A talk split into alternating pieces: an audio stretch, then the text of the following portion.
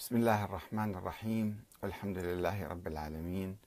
والصلاة والسلام على محمد وآله الطيبين الطاهرين. ثم السلام عليكم أيها الأخوة الكرام ورحمة الله وبركاته. رسالة إلى صديق لدود وعزيز جدا في نفس الوقت. أحبك في الله لأنك تبغضني في الله.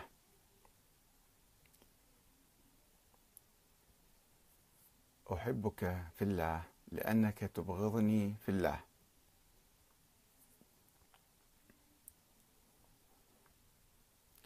رسالة إلى صديق لدود وعزيز جدا. آه، بعض الأصدقاء عندما يتحاورون آه، يأخذهم الحماس قليلا وينفعلون فيستخدمون عبارات قاسية شوية يعني. فأحد الأصدقاء كان عنده تعليق شوية آه، قوي وكتبت له هذه الرسالة. أخي العزيز فلان ما أحب أجيب اسمه الآن. تحية طيبة. أعتز بصداقتك. وأحبك في الله لأنك تبغضني في الله. هناك ناس يبغضوك لأنهم يحسدون لأنهم آه، لديهم مصالح مادية أو أهداف يعني أخرى.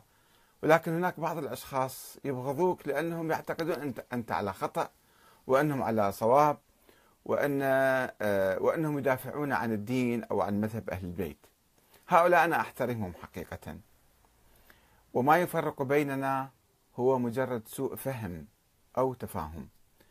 ولو استمررنا في الحوار ربما نصل إلى نقطة أو نقاط مشتركة.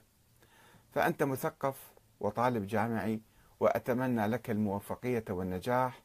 شكرا لك.